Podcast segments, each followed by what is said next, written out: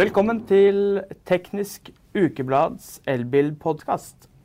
Jeg sitter her med min kollega Mathias Klingeberg. Hei, hei. Og i dag har vi med oss sjefen i Polestar, Thomas Ingenad, på linja fra Sverige. Welcome, Thomas. How are you? Hi, thanks. Yeah, fine. Uh, thanks for asking, and uh, thanks for inviting me to this podcast. Thank you for coming. Um, we want to go uh, on to talk about the Polestar 2. Of course, the Polestar has uh, sold uh, very well in Norway and has created a lot of enthusiasm. But you've also had a bit of a rough, st rough start. Uh, you've had problems with the electronics and have issued uh, recalls. Uh, what went wrong? Yeah, well, you can call it a rough start. Um, what you described now, it's actually more than you would expect as a you know problem of a car getting into production, software having to uh, be, be refined and stuff. Indeed, we were hit by as well hardware problems that in that way of course were unexpected uh, couple of weeks of faulty production at a supplier site that ended up with heaters that have to be replaced at, in customer cars that could cause uh, that your car would not drive in the morning. That was one bad surprise which we didn't expect. I mean, this um, faulty production over these weeks, of course, um, things happen like that. But would you expect that right away at the start of a production? We had as well then the in, uh, additional hardware problem with another supplier, inverters um, that were again causing um, a short circuit, which can then end up as well with cars uh, standing at the side of the street. Um, and of course, these two elements um, were were causing a lot of struggle for us now with uh, with, with cars being outside.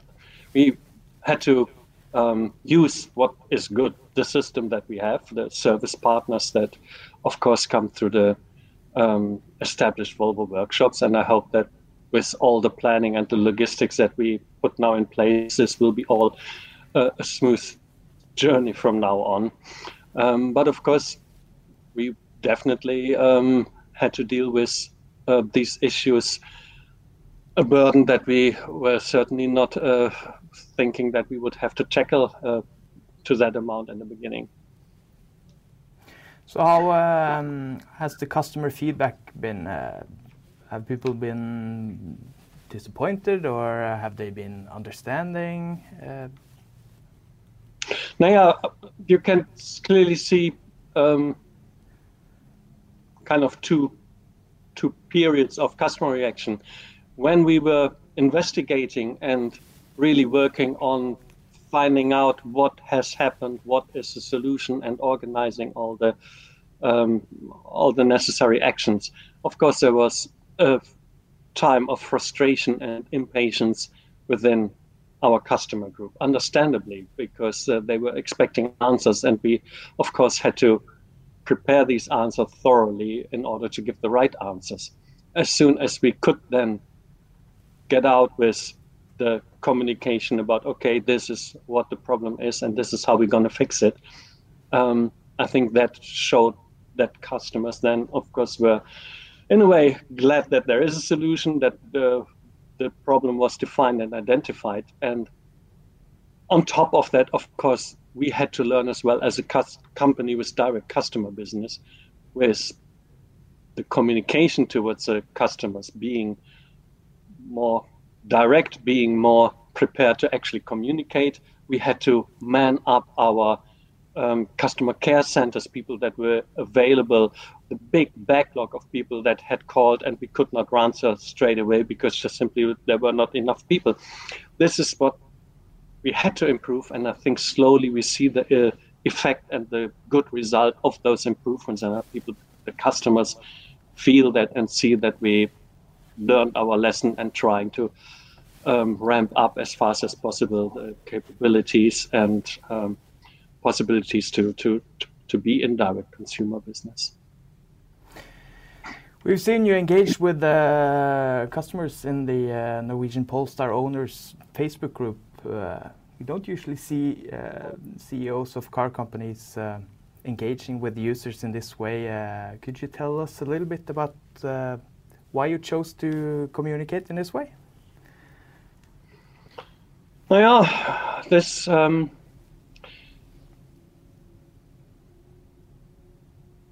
I think it's an incredibly good opportunity to to to be in dialogue, and dialogue is a difficult thing to say here. I mean, to acknowledge certain ways of communication in modern times is good. Um, these fora are partly closed groups where maybe they even don't want the CEO to be in there or not. I asked then at some point the administrators uh, whether they would be okay with me sending out a certain message to the customers um, and uh, m- members of this Facebook group. And they agreed on that. And I think the experience showed that it was welcomed by the users that I, I took that opportunity. I, of course, read the questions of frustration or comments, advices that uh, we, we see being written there. And um, I think it makes sense for us and for me as well to use this channel as well in order to uh, communicate with them, send out a, a, certain message that I think is uh, relevant for them and important. I think it's a very modern, good tool. You have you as a CEO, of course, you have to be careful. You you're not just you know one of the members who's discussing everything there, but it's uh, definitely an element that in certain doses can help to embrace uh, a direct uh, link and give as well those people there in the Facebook group the feeling like, well, they are important and they are, and uh, that, that actually uh, met. Uh, you also said that in the Facebook in the Facebook group, you said that you can't talk about things before it's certain. Um, there's a lot of speculations here, and uh, how do you weigh uh, publishing information and just looking at the speculations? Um, it's, it's, very simple. Um, of course, people in the Facebook group speculate, oh, I heard this, it could be this, it could be that, somebody said this. I mean, we of course, for example, yes, we we might as well speculate, hmm, this car breaking down might be this or that reason. But us as you know the the, the responsible party and as well having um, suppliers, partners in there, we cannot go out with a speculation if we cannot prove and have have 100% proof. Yes, this is the reason. Even if we have 80% reason to believe it might be this or that, unless we are really, really close to this 100%, we cannot go out with a statement, oh, yeah, X or Y is, is, is a root cause of a problem A or B. So there, of course, with the responsibility of, of being the producing party, the OEM, we, we, we cannot go out with speculations. Okay, so let's talk a little bit about the future of uh, the Polestar 2. Uh, the car is being prepared for over-the-air um, updates. Uh, what kind of updates will uh, the car receive? Yeah, well, um, the over-the-air updatability of the car gives us really great access to um, enhance the car in small details, but as well in into bigger things. I mean, the limitation is uh, basically hardware. You cannot change hardware over the air, um, but of course you can um, go into anything that you can um, do with a modern software update that goes very deep into the system. We have um, already in plan um, upgrades that bring certain functionality to the customer. um, the one of the next things is of course uh, the, the, timer for, for, for the heater that is already in the next software implemented and will we will be pushing out to the customers that will not have it through a workshop visit uh, over the air. Um, so convenient things like that can be done. Of course, anything with uh, battery management, um, you can run roll roll out through over the air, and of course we are planning over the over the course of the years and months to to to have software updates in this. Um, it can be things that um, are connected to the infotainment system, and there it's even already happening that you see uh, new apps coming that you see as well. Uh, the navigation, for example, um, getting more and more functionality in it. So it's it's it's very deep down to the system that you can improve with over-the-air updates. Um, the limit is very clearly when it affects uh, hardware items. This is sometimes uh, then suddenly something that you cannot expect. So could you uh, could you give us like um, a sense of how deep uh, the updates can go? I guess one of the more known examples is Tesla that as far as we know, at least, can update every subsystem in the car. Is it uh, the same in the Polestar? Basically, yes. Yeah. Mm. Um, you talked about the hardware, and uh, there has been uh, some speculations that the heater is the cause of uh, uh, quite high consumption. will the consumption be improved when you change the heater? Hmm. No, I cannot confirm this. Um, the heater malfunctioning that we have now, which is causing the shortcut that uh, makes the car undrivable, um, is as far as I've never heard that that has any influence on the energy consumption of the car. No this is um, not the not not the case. We tested um, Polestar 2 alongside uh, Model 3, and uh, we got uh, the the Polestar 2 had approximately around 30% higher consumption than the Model 3. Uh, is are you satisfied with that? No, I'm not satisfied with that.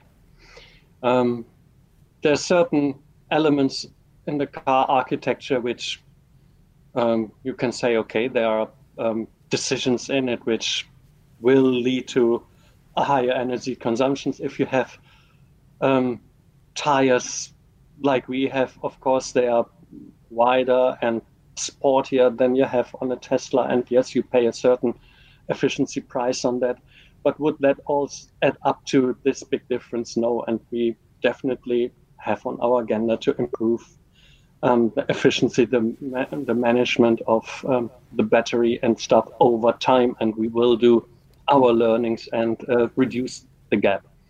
This is clearly on our agenda, and there is a lot that we can improve in, for example, in the management of um, the heating and stuff. I mean, some and there are clear choices, and the consumer really, the customer has to decide with us along the way you might read as well that people are very, very happy how quickly the car actually reaches a warm temperature. And if you, you know, start, if you, if you just simply switch from couple of degrees higher, immediately you, you feel that the car is, is warm. And people now especially uh, appreciate that. But of course, that means as well that you, to a certain degree, always prepare the heating system to have that opportunity to very quickly increase the temperature. Um, if you run a more efficient energy management, then of course you would have to wait a longer time till you, your car basically till till the water is warmed, heated up in order to provide that warmth. So there are certain choices as well to be made, um, and clearly our our agenda to improve the energy efficiency over the next years uh, has has a clear path where we want to reduce that gap. So you can improve the consumption uh, via software updates. Yes, by manipulating the, um, the um, energy management and um, working on, on on the system, how it is interlinking, how components work with each other. Definitely. How much of this is down to uh, the, like the power electronics, the the motor, uh, uh, and I guess there's um, there's an efficiency on on the electronics that you're using. Um, so the question is like, uh, uh, do you have any ambition on, on, making more of these components yourself in the future, or? Uh, well, and there you clearly get into the question. Certain certain improvement steps will come over the years through mm -hmm. hardware. That's of course as well one area where technology is advancing, where we will um, along the way upgrade not only this car, but of course new cars coming will have different components that will be then as well um, bringing more efficiency into it. And here clearly, now not only for that reason, for a lot of other reasons, um, when it comes to the components, the electric motor, for example, yes, this is something where um, Polestar will get into um, the development, the um, competence is being built up and, and used here, and we are um, designing uh, these components for the future, of course. Not all of them, um, but to a certain degree, uh, we will get into the, uh, our, our, own components here, yes. And uh, you have in your career designed quite a few combustion engine cars at both Volkswagen and Volvo. Uh, how do you have to think differently when designing in, and designing an electric car that holds much less energy than a combustion engine car?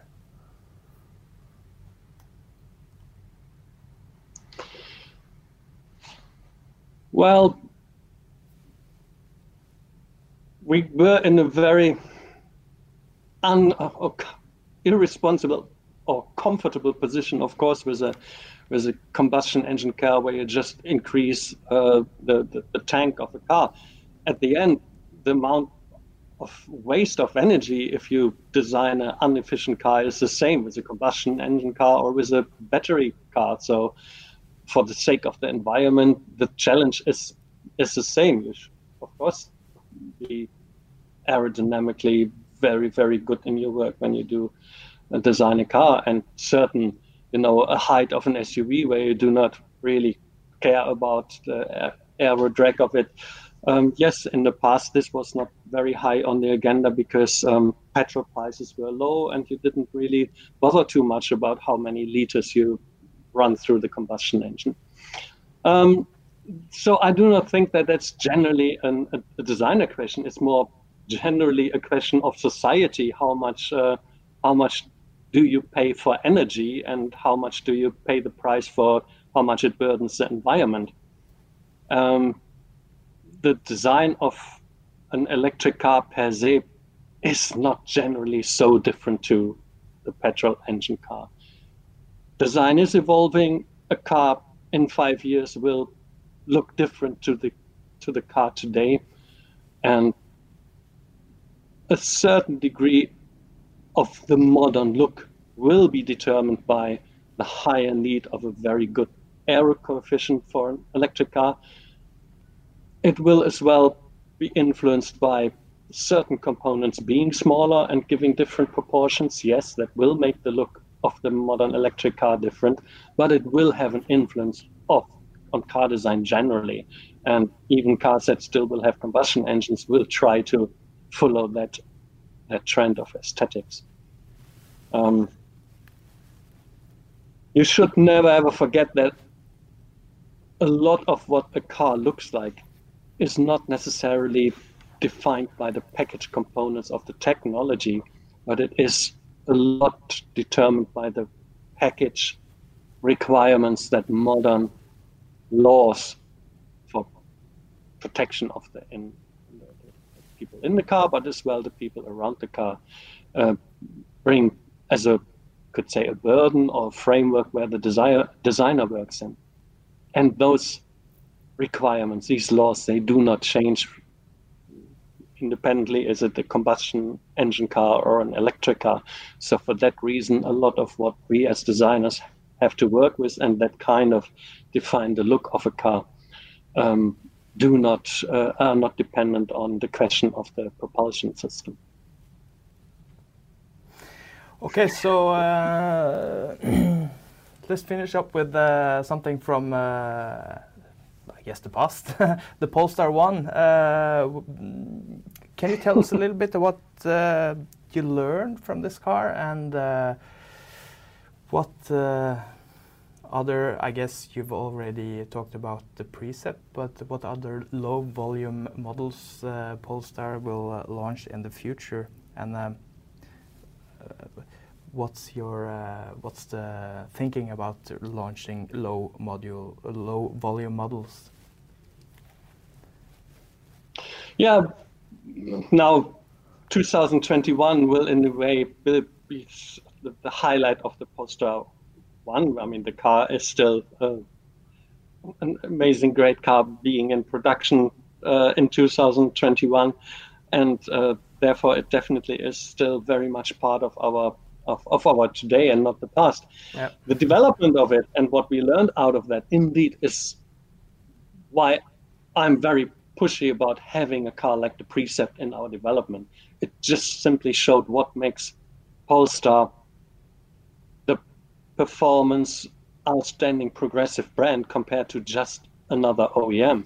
If you have and I call it now an exotic product like a Polestar 1 or a Polestar Precept in your portfolio, it just simply pushes the border of what the team is aiming for, what technology you're capable of handling, and gives you that kind of competitive edge that as well then shines in products like a Polestar 2 or a Polestar 3, which are, of course, much more broader um, products. And that in the Polestar 1 was, of course, and everybody knows, and I will not shy away from that, of course, very much connected to a, a, an original design, the concept coupe, which was designed around the brand Volvo, putting this incredible technology in it, made it then this Polestar. But of course, one of the learnings is, and that is a natural development, our next car in that caliber, the Polestar Precept, of course, is much more than home in the origins of of Polestar and really radiates that kind of design flair of of this brand, Polestar. Um, we were volume wise. Let's talk about that for a second. The effort and the energy we put into the Polestar 1 and then to produce only 500 pieces each year. Of course, that is another learning. We spend now a lot of energy and resource into the Polestar Precept. And of course, this time we choose to actually have a bit more of a volume ambition here, not mass market and not as broad as a Polestar 2 or Polestar 3, but definitely as well not limited to just a couple of hundred cars. So this is as well one learning um, to in order to make it worthwhile putting that effort into such a project, you need um, a little bit more of volume ambition as well behind it uh, to rectify it. Well, you mentioned uh, Polestar 2 and Polestar 3. What, what goals uh, do you have for the future, let's say in five years? Where is uh, Polestar in five years? Now, in five years, we will be a brand that is um, based on a product portfolio that has at least three good car lines running there. We will have in, in, in three years, in five years, definitely we will have as well what a lot of people are wondering about. Yes, we will have an SUV type of car in our portfolio. Um, certainly different looking to what a traditional SUV looks like, but an SUV in that terms that you have that nice um, position where, where you where you have this overview around um, the traffic and the capability of, of, of that type of car. Um, and generally, people will view upon the brand Polestar clearly as a Scandinavian rooted brand, a brand that definitely has values like safety, for example, that are connected to uh, one of the owners of Volvo. But we will be we will be definitely looked upon as a as a brand that is standing on its own feet, design wise, product portfolio wise. Um, it will be very much of an established brand in its own. Mm. That sounds very interesting, and I think we could have gone a lot longer. Yeah. uh, but we have to say stop there, I think. Yep. Uh, Thomas, thank you so much for taking the time.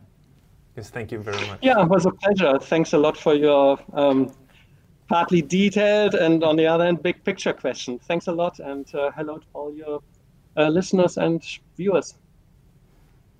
Okay, Thomas. Uh, talk to you later. Hopefully. Thanks. Bye bye. Appreciate it.